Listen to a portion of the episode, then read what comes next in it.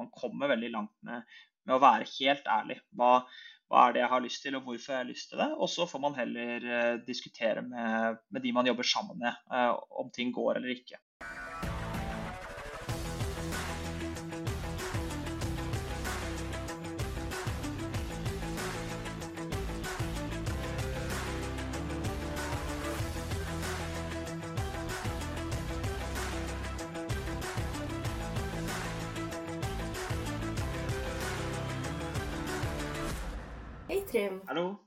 Velkommen så mye til podkast. Tusen takk, Ina.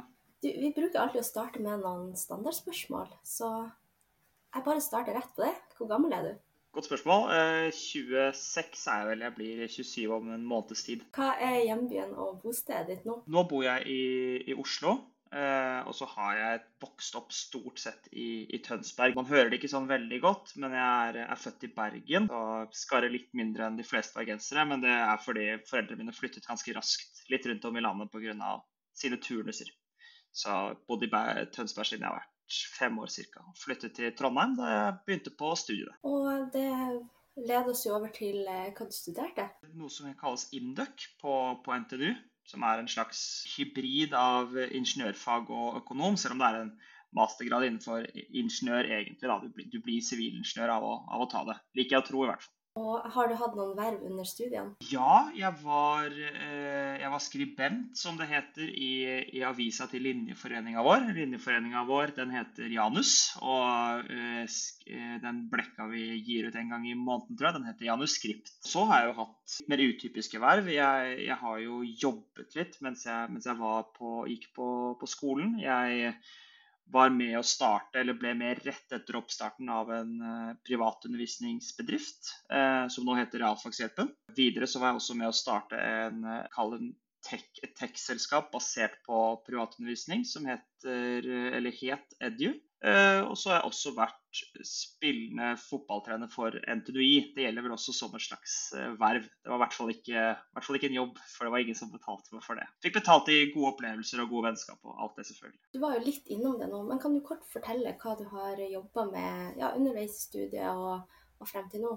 Etter jeg ble ferdigutdannet, så jobbet jeg ca. et halvt år eh, heltid med, eh, med Realfagshjelpen og et selskap som vi hadde startet opp som heter Edu. Og det vi prøvde å gjøre, var å digitalisere egentlig den komponenten vi ser funker veldig bra på privatundervisning. Da, som er, er egentlig det å kartlegge kunnskapshullene som finnes hos, eh, hos, elevene der ute. Altså det er veldig typisk når man har en privatundervisningssituasjon at, at lærerens viktigste oppgave er å finne ut Eh, hvorfor er det litt vanskelig å, å, henge med i timen nå, eller hva er det du mangler for å kunne bygge videre på den kunnskapen du har. Det er faktisk ganske vanskelig f.eks. å lære seg derivasjon hvis man ikke helt forstår eh, brøk og, og deling, som et, eh, som et, grovt eksempel. Og så Etter et, et halvt år med det, så, så, fortsatte noen av de som jobbet med Edu 100% og så gikk jeg ut eh, i, i, jobb i et eh, kommunikasjonsbyrå, eller samfunnsbyrå, som eh, heter Gelmøyden Kise. Så, så, det var vel på en måte det som var min første ordentlige, faste jobb da, etter, etter studiene. Og eh, kort fortalt, vi skal jo komme mer innom på det senere, men hvor jobber du i dag? I dag jobber jeg i Freyr, eh, så jeg sitter eh, mest av alt på et kontor på, på Lysaker og, og hjelper til der. Freier vi skal lage batterier i storskala eh, som en del av eh, for å kunne akselerere det vi kaller dekarboniseringen, da, eller, eller, det grønne skiftet. Eh, så sånn veldig kort sagt redde, redde verden, selvfølgelig. Eh, men Freyr sin, sin, oppgave er å, å tilby batteriløsninger da, og, og, det vi kaller energy storage systems, for å kunne lagre energi f.eks. fra eh, fornybare kilder, da, som er litt vanskeligere å, å produsere kontinuerlig og, og lagre fra enn f.eks. olje og gass. Veldig spennende. Og nå tror jeg lytterne har fått et eh, fint bilde, grovt sett, over eh, bakgrunnen din. Eh, og vi skal dykke dypere ned i alt det her. Men du har jo en altså Det høres ut som du har en veldig variert bakgrunn. Har du på en måte alltid hatt et aktivt forhold til det å bygge karriere, eller har det vært litt mer tilfeldig at du har vært involvert i så mye forskjellig?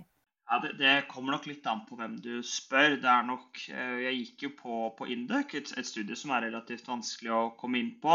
Eh, så, det, så det er klart at Spesielt da jeg gikk på videregående, så, så, tenkte jeg på at jeg hadde lyst til å ha, holde mulighetene åpne. Eh, og i hvert fall gjøre så godt jeg kunne på, på skolen. Og Det hjelper jo da når man skal søke studier, at da, da har man flere muligheter. Og det har jeg vært veldig privilegert som har fått lov å ha. Men når det kom til det aktive valget, så var i hvert fall valget om Induc mest jeg, jeg trodde kanskje jeg hadde litt lyst til å studere økonomi, kanskje jeg hadde litt lyst til å studere ingeniør. Og, og Induc var på en måte begge deler da, og holdt mange dører åpne. Eh, så det var egentlig derfor jeg, jeg på, begynte på Induc.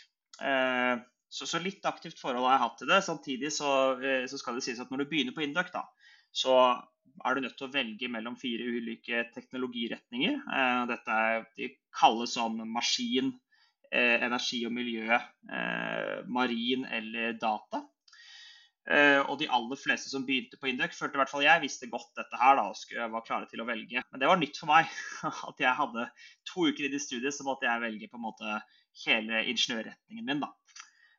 Men jeg hadde jo en PC, så da syns jeg data virka, virka, fornuftig. Kunne litt mer om det enn en maskin og, og marin. Har vært veldig lite på båt.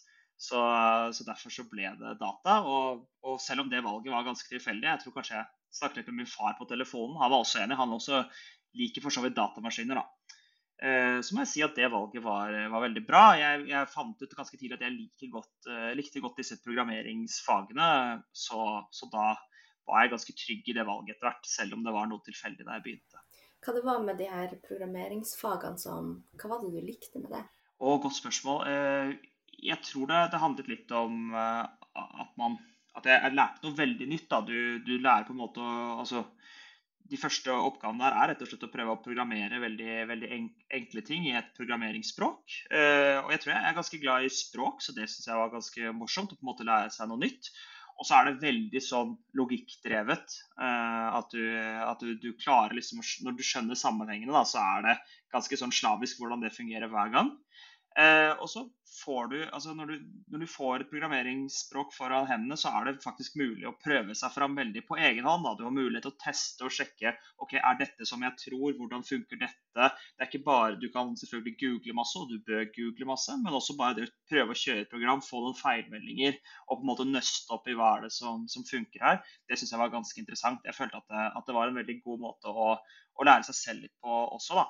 Eh, så, så, det tror jeg var noe av det som, som, pirret meg. Pluss at jeg så at ok, du kan gjøre en god del med programmering. da, du har veldig sånn, Det er kreativ, eh, kreativt eh, realfag, på en måte. Så det også tror jeg var spennende.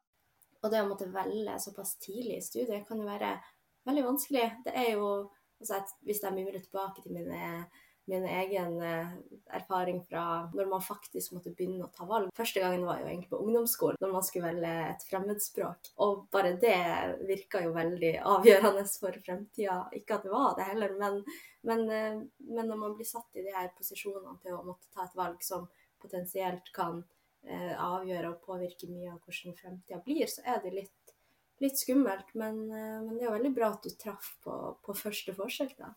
Ja, jeg var jo jeg var litt heldig der, og jeg er helt enig. Det er dritskummelt. Tenk å liksom måtte velge mellom spansk og fransk når man er sånn 13 år.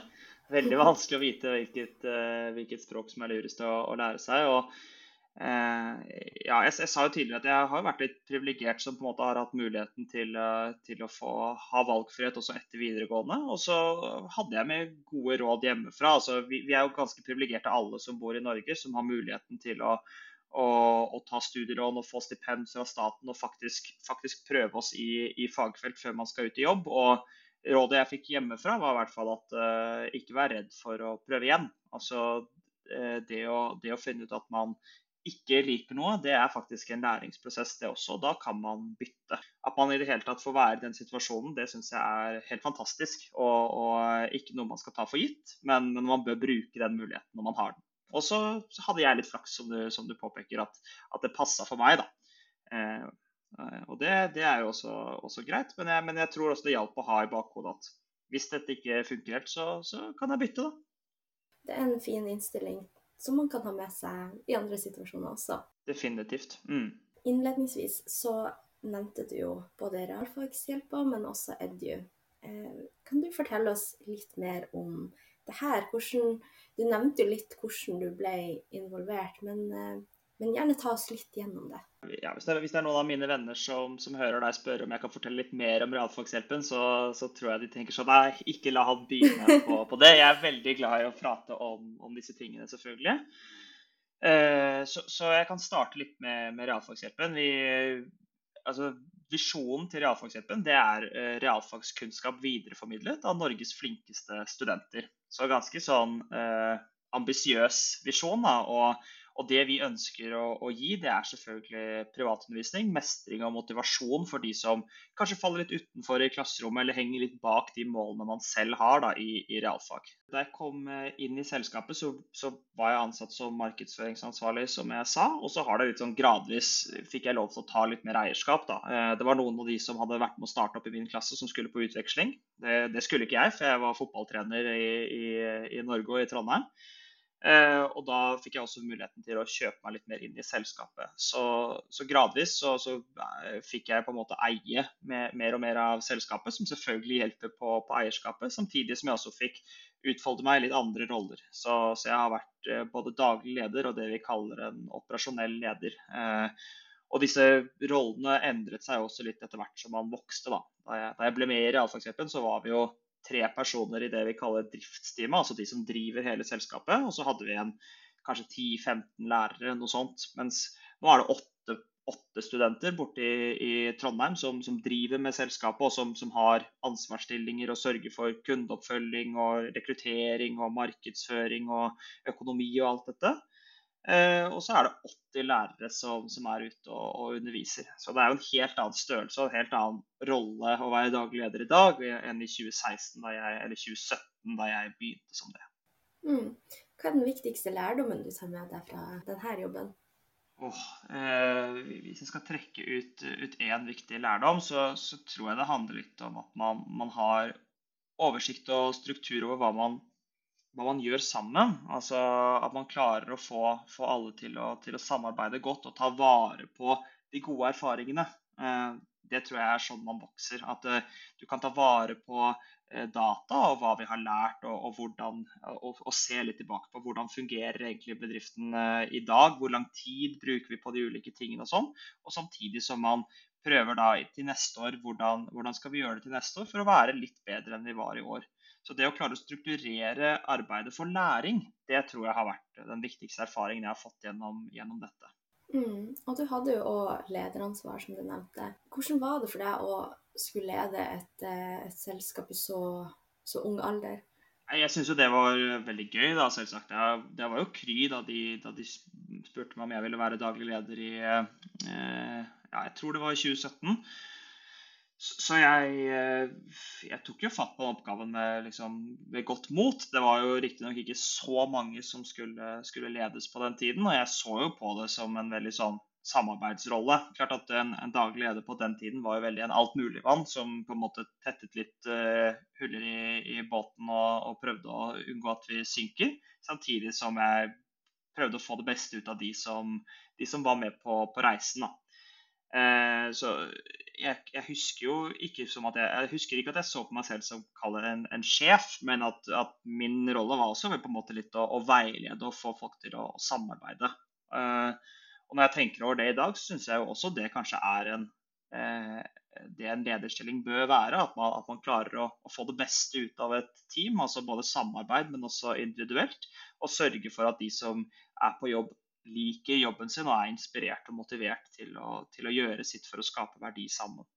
Så, så, det var jo veldig uvant da jeg begynte, men jeg tror ikke jeg tenkte så mye over det annet enn at det var en, en gøy mulighet. Og, og så lite, kall det, lite risiko, da, som det var et lite selskap. Og hvis noe gikk galt, så kunne man alltid fikse det ganske raskt. ikke sant? Det var bare å ta noen telefoner og eh, jobbe litt utover kvelden. Så, så, det var en veldig fin måte å få, få prøve seg på, i hvert fall.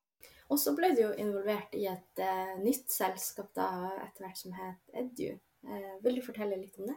Ja, så, så, det er en av, en av de som, som, startet opp Realfagshjelpen. Han heter uh, Jakob. Vi var med og vi, vi, satt litt og tenkte på liksom, hva, hva er det som, som, funker aller best med privatundervisning. Og fins det på en måte noen, noen form for skaleringsmuligheter her som, som, vi ikke klarer i dag, da, når, når man har én lærer til én elev. Uh, og da ble ideen om Edu født, som jeg, som jeg sa er egentlig digit, et digitalt verktøy som, som, prøver å tilpasse undervisningen til hver enkelt elev. Og Det var en, uh, en god idé, syns jeg. Og vi, vi fikk som sagt litt støtte både fra Innovasjon Norge og Forskningsrådet til dette. Eh, og utviklet en, en, spennende prototyp som vi testet uh, i, i, Drammen, og med gode tilbakemeldinger. Og så var det nok litt sånn at vi var ikke helt klare for på en måte å gå all in på, på gründertilværelsen. Vi, vi, måtte for det første splitte oss litt, sånn at vi hadde råd til å, til å lønne noen fulltid. og det var også en, en, av grunnene til at jeg begynte i Gelmøden Kise og holdt på med Edu på, på, siden. Jeg jobbet litt dobbelt det første året jeg jobbet i Gelmøden Kise. Og så var det nok litt vanskelig når du da kommer til Oslo, du har en ny fast jobb, du eh, kjøper kanskje en leilighet, og så når man da er på litt sånn make it or break it-punkt med Edu igjen da, etter et år, så, så, var det litt vanskelig å flytte tilbake til Trondheim og tilbake til gründertilværelsen. Eh, og det gjaldt nok de fleste av de så, av oss, vi var fire stykker da, som, som, holdt på med dette her. Og, og da dessverre så, så, var det ingen som var villig til å på en måte ta helt det eierskapet vi, vi trengte da på på de premissene som, som, alle fire var enige om. Eh, og Derfor så, så, ble det ikke noe mer Edu, dessverre. Eh, så hvis noen, ute, hvis noen, der ute, hører og tenker at dette var en kjempeidé, og jeg, jeg, har lyst til å, å, prøve å gjøre dette på nytt, så kan det hende det fins en plattform du kan få for en, en billig penge av, av, han som utviklet den. Og du valgte å flytte til Oslo, så du valgte da å flytte fra Trondheim, som var studiebyen din, som du hadde vært i mange år. Hva lå bak det valget? Det er et godt spørsmål. Det var, eh, det var jo fordi jeg hadde jo hatt et internship hos Gelman Kise mens jeg skrev masteroppgaven min. Eh, og jeg syns at, at, den bransjen og det selskapet var interessant. Jeg hadde lyst til å prøve litt ut hvordan er det å jobbe i, i kommunikasjonsbransjen. Trenger de kalle sånne som meg, altså ingeniør slash økonomer hos, hos seg, og, og, hva er det man egentlig jobber med når man, når man er der. Uh, og så fikk jeg et internship i, i, seks uker midt i korona, altså sånn september 2020. Uh, eh, og jeg fant ut at ja, det, det er behov for, for, sånne som meg der også. Jeg syns det var veldig spennende, lærte mye nytt. Uh, og da jeg fikk tilbud om, om, jobb der, så fant jeg ut at det hadde jeg lyst til. Og da er det sånn at Gelmeden Kise var i Oslo, så da var det også dit jeg, jeg dro. Og det falt nok ganske naturlig for de aller aller fleste i, i klassen min å reise til, til, Oslo og begynne karrieren sin der. Så, så, jeg så ikke på det som noe sånn spesielt stort valg annet enn å på en måte følge der Gelbjørn Kise var, og, og, og gjøre kall det litt som alle andre, da, og flytte inn til Oslo. Og Hva er Gelmøyden Kise for de som ikke kjente i det selskapet? Du, eh, Det er det samme som for de som kjenner til, til selskapet. Det er et, eh, et samfunnsbyrå eh, som, som, vi kalte oss, eller de kaller seg. og det er egentlig De driver med kommunikasjon. Det betyr at, det betyr at man rådgir kunder på, på, hva og hvordan og hvem man kommuniserer til. Det er mange ulike former for kommunikasjon. Du har ekstern kommunikasjon, altså reklame ut til kunder for å tiltrekke seg kunder. Du har intern kommunikasjon, hvordan, hvordan skal man snakke om ting i, i store selskaper. Du har PR, hvordan, hvordan, fremstår vi i media. Og du har krisekommunikasjon når, når noe skjer. Hvordan, hvordan, skal vi klare å, å håndtere en, en, krise. Så, så Eh, den røde tråden her, eller samlebetegnelsen, er jo det at man hjelper kundene å, å kommunisere og rådgir dem på, på, hva og hvordan de skal kommunisere.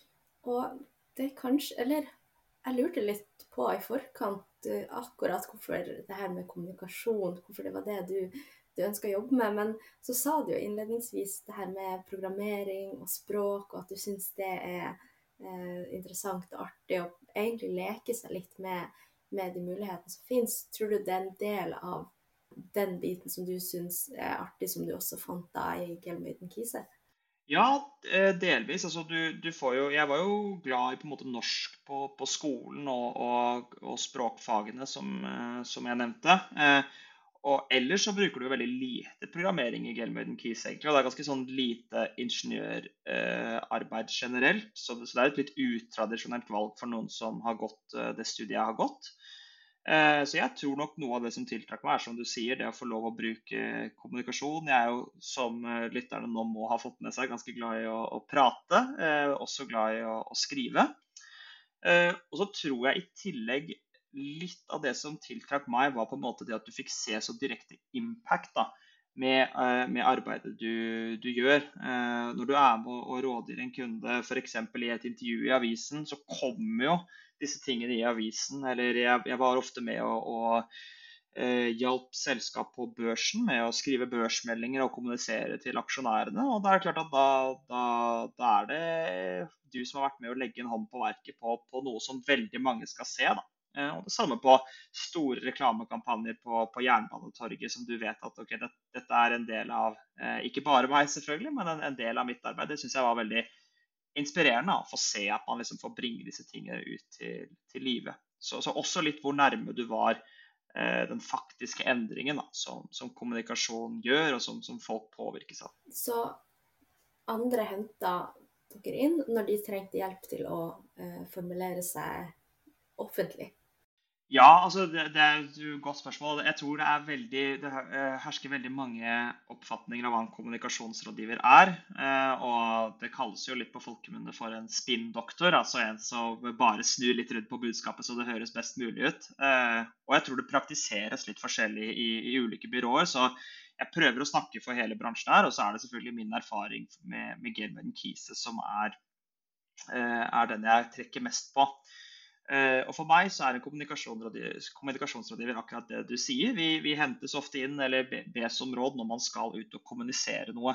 Det må ikke nødvendigvis være offentlig, det kan være internt uh, og det kan være mot en mindre gruppe mennesker. Uh, men der jeg, der jeg, føler at jeg lærte, eller fikk et veldig annet inntrykk etter å ha jobbet der selv, da, kontra litt de fordommene jeg kom inn med, det er hva slags råd eh, en kommunikasjonsrådgiver gir. Eh, for meg og for, for Gelmøyden Kise som helhet, så, så, var det stort sett viktig at, at, kundene klarte å formidle det man hadde lyst til å si. Altså, vi prøver å hjelpe eh, kundene våre med å være eh, forstått. At, at, de som mottar budskapet, både klarer å ta det innover seg, men også forstår hva som blir sagt.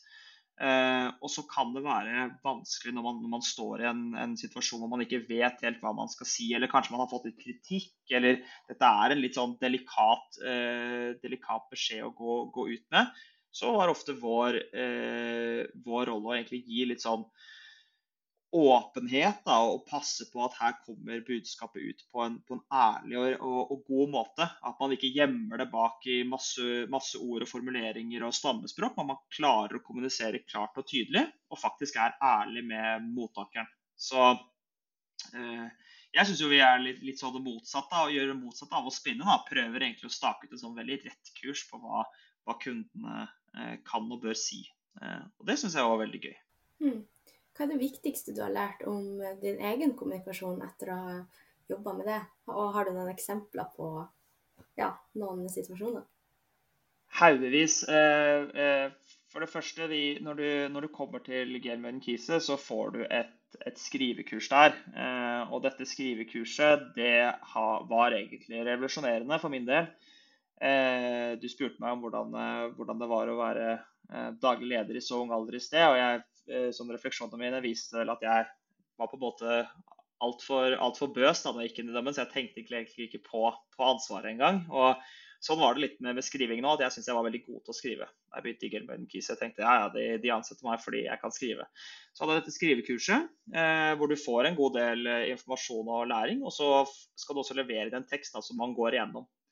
Eh, og etter vi hadde gått gjennom, eh, gått gjennom, teksten med hun som gjør det i, i Gelmøyden Kise, så skjønte jeg at nei, Eh, skrive, det Jeg har litt å lære der, gitt. Eh, og det, var, eh, det må jeg si var, har vært veldig, veldig nyttig i, i etterkant. så hvis jeg skal oppsummere hva jeg lærte der veldig kjapt, så er det at jeg brukte altfor mange ord. Altfor mange ord. Alle tekstene mine, alle setningene var for lange. Og at jeg prøvde i det å, å prøve å være presis, så ble jeg egentlig bare litt sånn ullen. da. Så, så, jeg lærte å sette, sette punktum og, og, kutte ut på en måte mye unødvendige fyllord. Og det har jeg brukt ganske mye i etterkant. Det er nesten Hver gang jeg skriver en, en mail nå, så, så, leser jeg ofte over og, og fjerner en del ord for å, for å gjøre budskapet kortere. da. Mm, det er et godt tips, da. Og jeg tror det er mange som skulle tatt et sånt skrivekurs. Altså, tenk alle mailer som sendes hver dag. og jeg merka sjøl når jeg begynte å sende mye mail i, når jeg begynte i jobb, de var jo altfor lange, og man vil være veldig hyggelig, og man vil få frem poenget, men, men da forsvinner egentlig budskapet. Så ja. ja. det er noe med å være bevisst, det også. Ja, det er et veldig, veldig godt poeng. Det er, eh, det er, vanskelig, og det krever mye øving. og det viktigste, viktigste, viktigste jeg har skjønt, tror jeg, er at jeg er på, måte, på ingen måte utlært der heller. Da. Jeg har, har mye å gå på. Eh, så det var en av de tingene jeg syns var veldig direkte i, i GK, også, som vi kaller Gelman Kise for øvrig, GK. Eh, og ellers så lærte jeg litt om, om krisekommunikasjon, eh, som jeg syns var veldig interessant. hvor viktig det er på en måte å, å klare å gi riktig informasjon i en, en krise, og, og få få folk til å forstå eh, hva man står i og hva man tenker. Samtidig som, eh, som, jeg lærte at alt blir kjent alltid. Det var det vi sa til, til, kundene våre som sto i en krise. Og det må jeg si at hvis du, hvis du ser de krisene som, som, plutselig koker opp i media altså Du har mange eksempler nå i politikken i det siste, selvfølgelig. Eh, Moxnes og eh, disse aksjesakene og nå til slutt Erna Solberg. Eh, det er mye info som man kunne ha delt eh, helt, helt innledningsvis, da, som hadde spart disse personene for veldig mye, mye trøbbel. Eh, så, det, med, det, med, at ting, ting kommer fram i en krise, syns jeg var veldig veldig nyttig læring. Og så generelt da, hvor mye man får ut av det å være veldig ærlig i kommunikasjonen sin.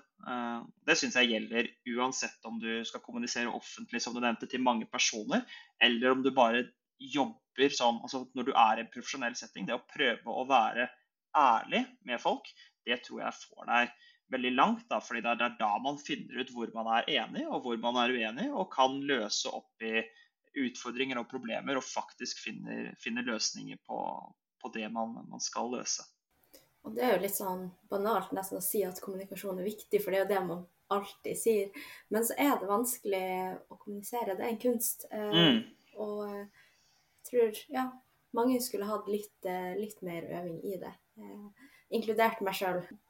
Du får jo muligheten til å, å styre en situasjon eh, i, i, den retninga du ønsker, da, uten at det skal høres manipulativt ut. Men ja. Ja, ja men det er, det er, nettopp det at man, man får hvert fall muligheten til å legge fram, fram sin side av saken og, og mm. forklare seg. og det men man har fortsatt en ganske sånn begrenset uh, attention span eller oppmerksomhet hos, hos, lytterne. Så den må man bruke godt til å, til å hjelpe de å forstå situasjonen.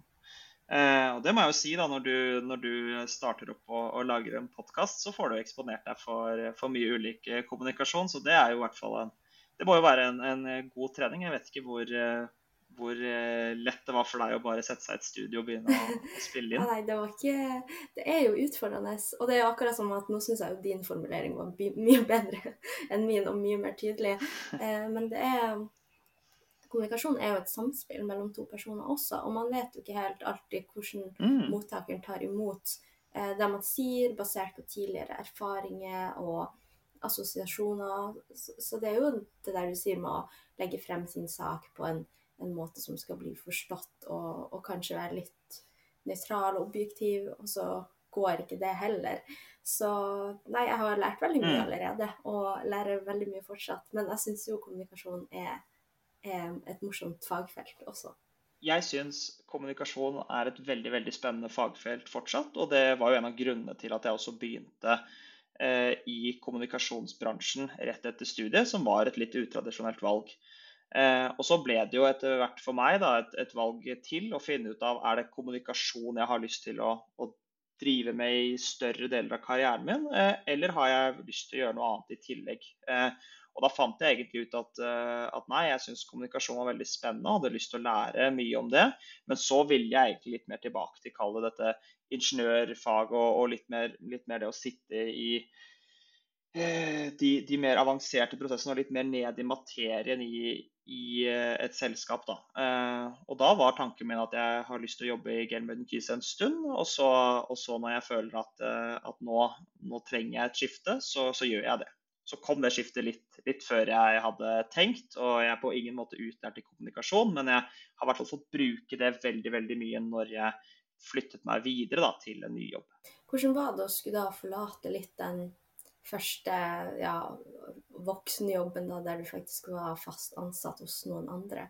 Nei, det var, eh, det var, jo litt spesielt, da. Du har jo gått der hver dag, blitt kjent med mange nye mennesker og føler litt at du på en måte slår opp med en, eh, en arbeidsplass. Eh, så må jeg si det at, at Game Kise var, var, et sted hvor det var Jeg tror de er ganske vant til at folk begynner andre steder. Og de, de støttet det på, på, en god måte. Jeg fikk jeg fikk eh, gode skussmål og jeg fikk eh, gode lykkeønskninger når, eh, når jeg skulle begynne et, et, annet sted. Og det satte jeg veldig pris på, at, at folk flest der syntes det var eh, gøy for meg at jeg fikk et annet sted å, å dra. Og så syns jeg selvfølgelig det var hyggelig at de, at de ikke syntes det var dritfett at jeg ikke skulle jobbe der lenger. Det, det, tenker jeg man må se på som et godt tegn, at ikke alle bare eh, finner fram kaken den dagen du sier opp, men, men heller den dagen du slutter. Og så dukka det da opp en ny mulighet for deg i Freyr. Hva var det med det her selskapet som eh, tiltrakk deg, og hva er det? Du, ja, det, det er godt. Vi, vi, kan starte med, med det siste. Altså, eh, Freyr vi, vi eh, lager batterier i det vi kaller gigawatt-skala. Så, så, man bygger store batterifabrikker eh, og bruker en ny teknologi som heter, eh, kalles semi-solid, eh, for, å lage batterier og energilagringssystemer. Uh, og det, det, skal gjøres på en, på en skala som er, som er, helt ny på, på verdensbasis med denne teknologien. Uh, så akkurat nå så har Freyr en pilotfabrikk i Mo i Rana som skal automatisk produsere dette første batteriet, da, som er litt spennings, spenningsmomentet nå for, for, alle der ute, tror jeg. Ja. Så det er veldig sånn ingeniørselskap, og, og jeg sitter i en, en rolle hvor jeg Eh, er eh, rådgiver for, for, en av sjefene i, i Freyr, som, som, har ansvar for, for, driften, eller operations. Eh, og der er jeg egentlig litt sånn alt mulig mann. Jeg får lov å bruke, bruke, den kunnskapen jeg har innenfor kommunikasjon og, og den utdanningen jeg har. Og så har jeg også administrative oppgaver som du kanskje forbinder litt med en, kall det en sekretær, da, og, og passe på å prioritere litt kalender og, og sørge for at eh, møter blir gjennomført osv. Så, videre. så så en veldig sånn variert stilling hvor, hvor, jeg også får masse muligheter til å, til å lære nye ting. Da. Og eh, den eh, fabrikken i Mo i Rana, den er jo veldig kjent eh, her i Nord-Norge. Og det er jo veldig, veldig kult selskap og prosjekt. Så altså, jeg skjønner jo mm. veldig godt hvorfor du hadde lyst til å jobbe der. Men kan du ta oss litt gjennom de tankeprosessene da, når du faktisk ble obs på denne muligheten og, og tok den? Så jeg kan jo avsløre at, eh, at, eh, en av de første kundene jeg jobbet med i Gelmøyden Kise, det var, eh, det var Freyr. Så vi, vi var med å, å, rådgi Freyr når det kommer til rekrutteringskommunikasjon.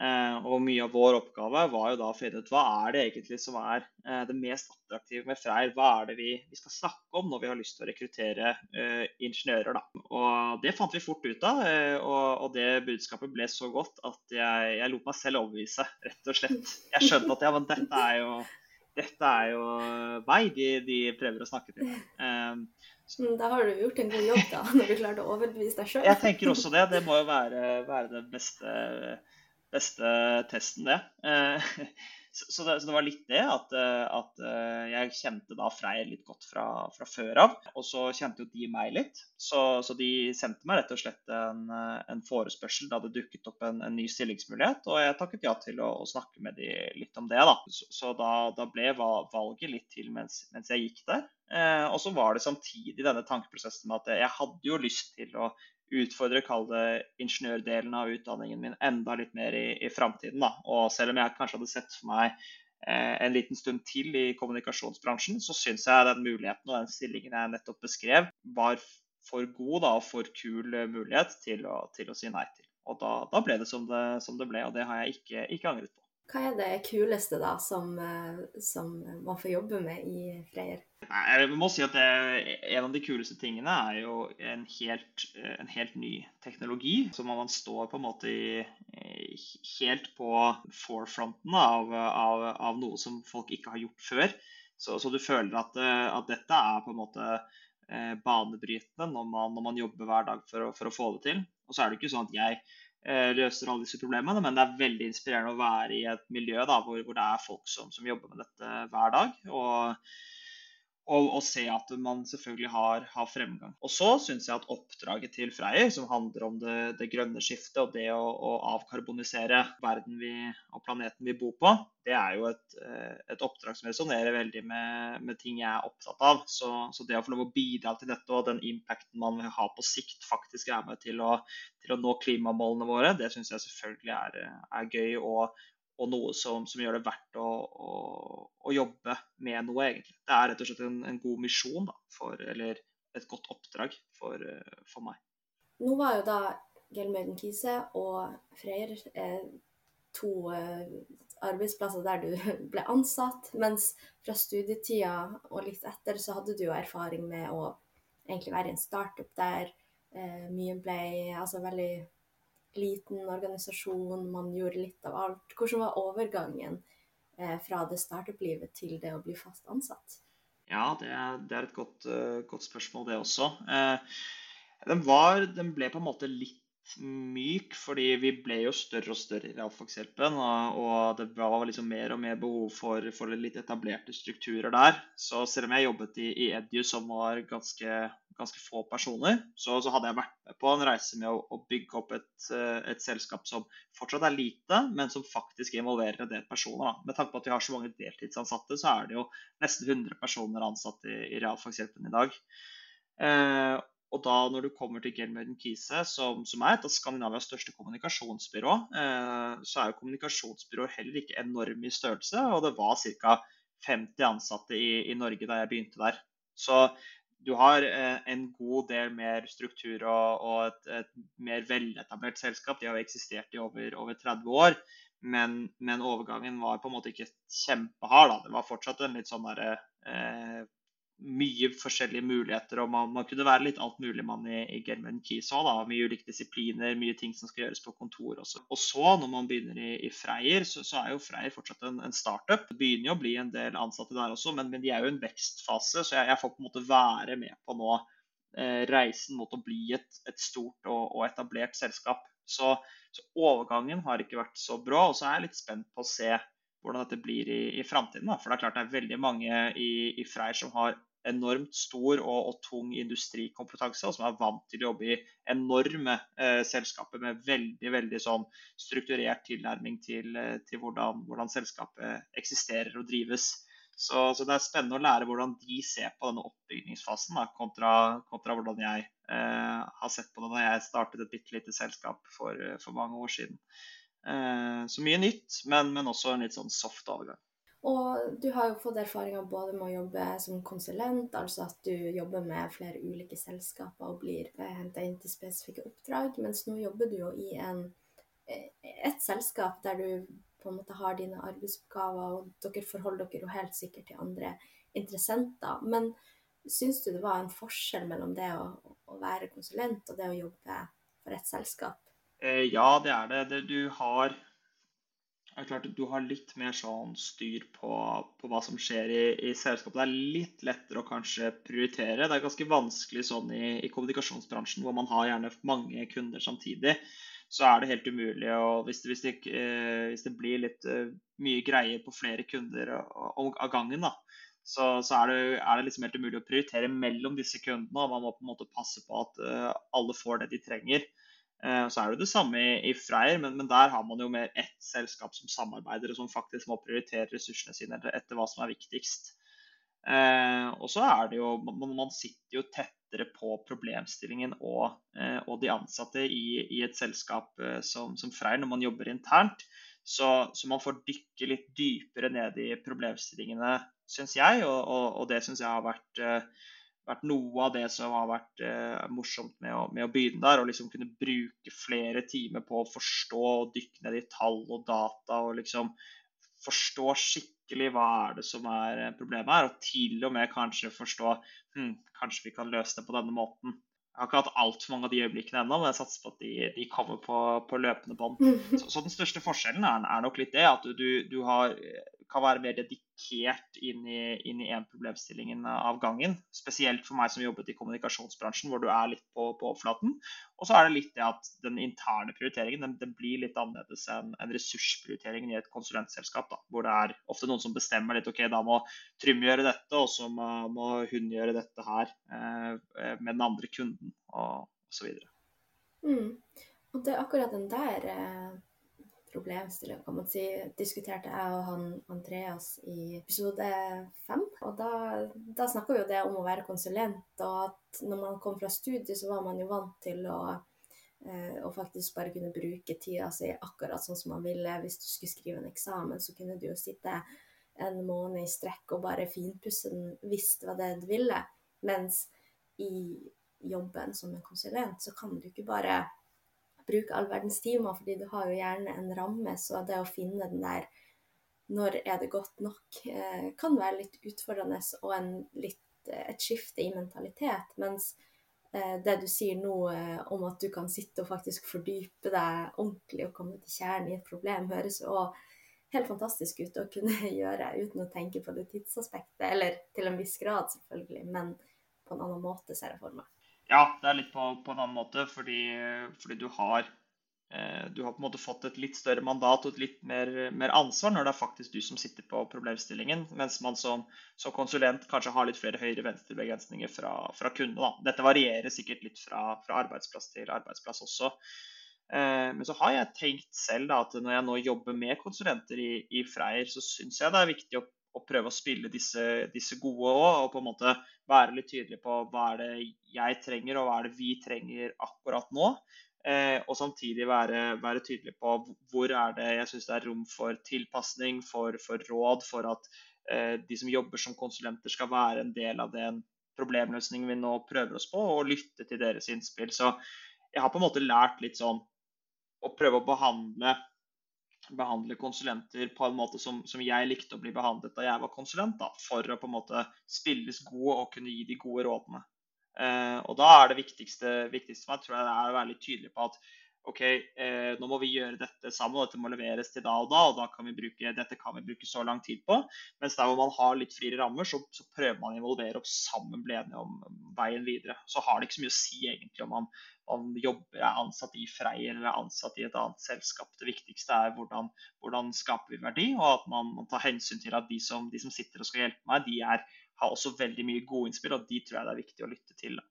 Veldig interessant da, og fin måte egentlig, for nå viser du jo hvordan du alltid lærer av de erfaringene du har, og bruker dem for å videreutvikle deg sjøl og, og, bli enda bedre i den jobben du har. Så ja, syns det var en veldig fin eh, hva skal jeg kalle det, refleksjon, eller eh, ja. Ja, men det var, det var, hyggelig. Det er jo lett å framstå som, eh, som, bra når man liksom får tenkt seg om dette på, på en podkast. Så skal det jo sies at jeg har sikkert vært litt, litt av begge deler. Plutselig så sitter det en konsulent som jobber i Fær og hører på meg og tenker sånn Ja, han har nok litt å gå på, på, fortsatt. Men jeg tror det er viktig å være bevisst på i hvert fall at, eh, at, man, eh, at man, jobber sammen, rett og slett. Og, og, at man tar med seg erfaringen som konsulent. Hva er det som, er, hva er det som gjør det lett å komme inn i en, en, ny problemstilling og bidra med den kunnskapen man har når man kommer kall det, utenfra som, som, konsulent. Og Det mener jeg at vi internt i, i det selskapet som leier inn konsulenter, eh, rett og slett er, er viktige tilretteleggere for.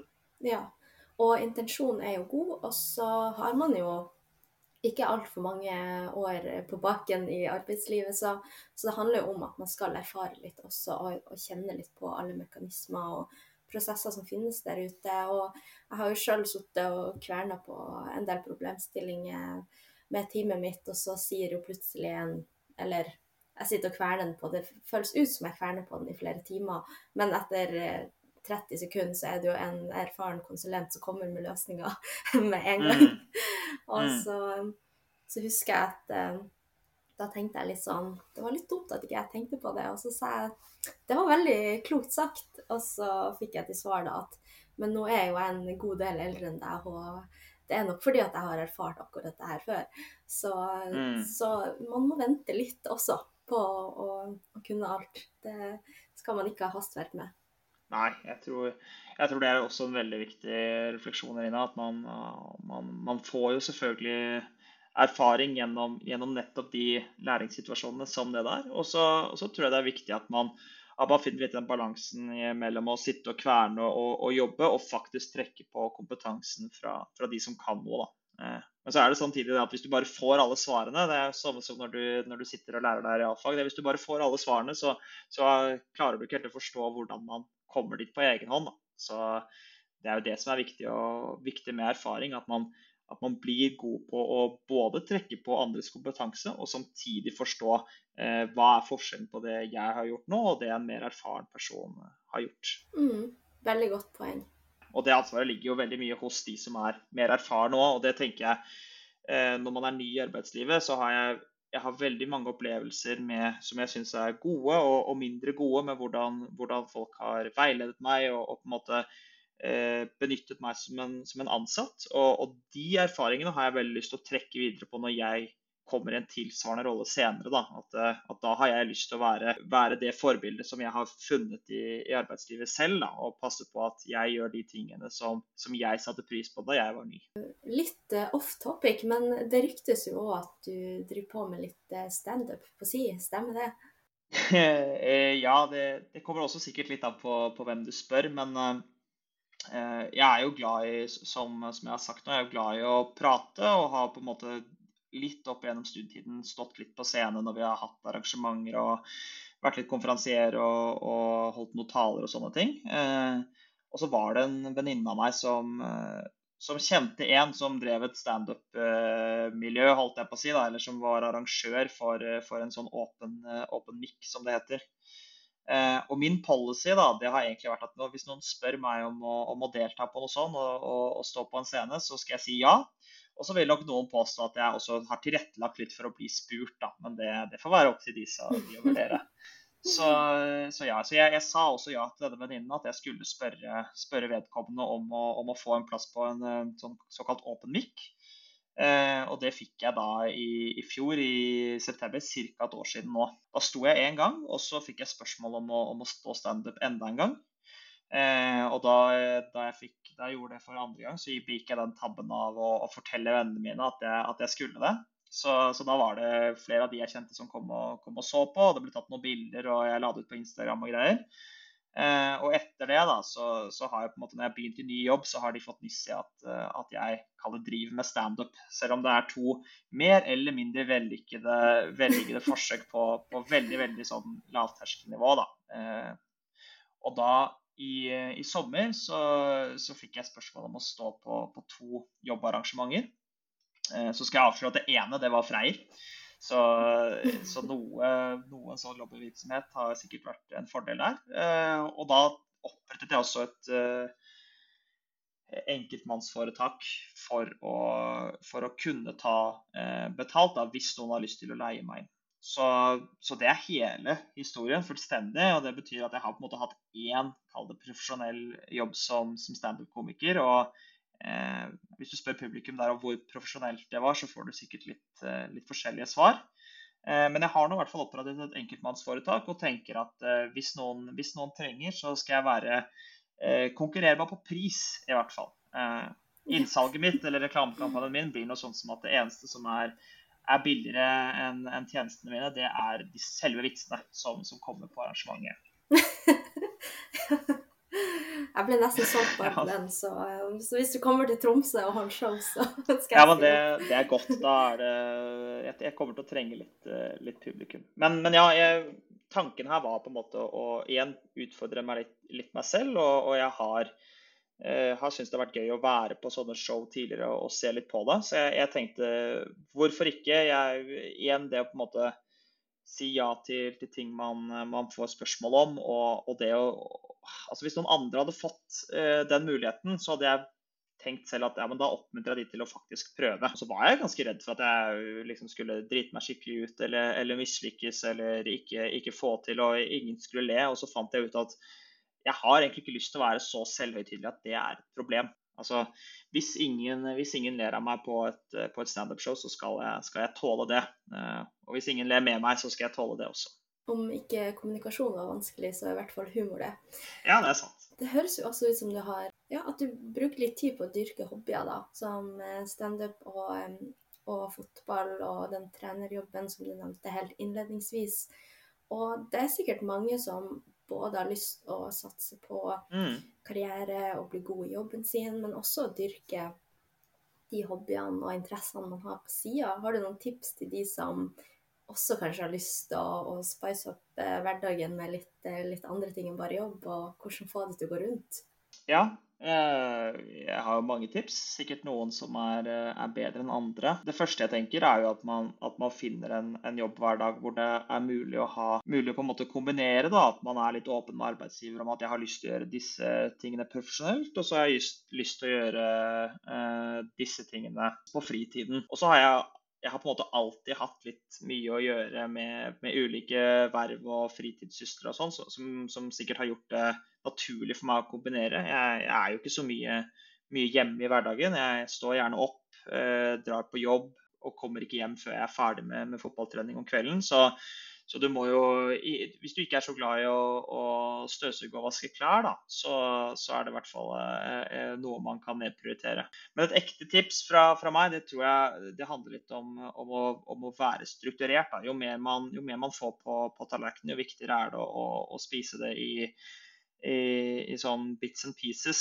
Så jeg, så jeg bruker veldig mye den appen, Microsoft-appen To Do til å sette opp liksom gjøremål og finne ut når er det jeg trenger å gjøre dette, eller trenger å forholde meg til det. Og prøve å bruke lite tid på å huske på ting jeg må gjøre, og ting jeg skal ha gjort.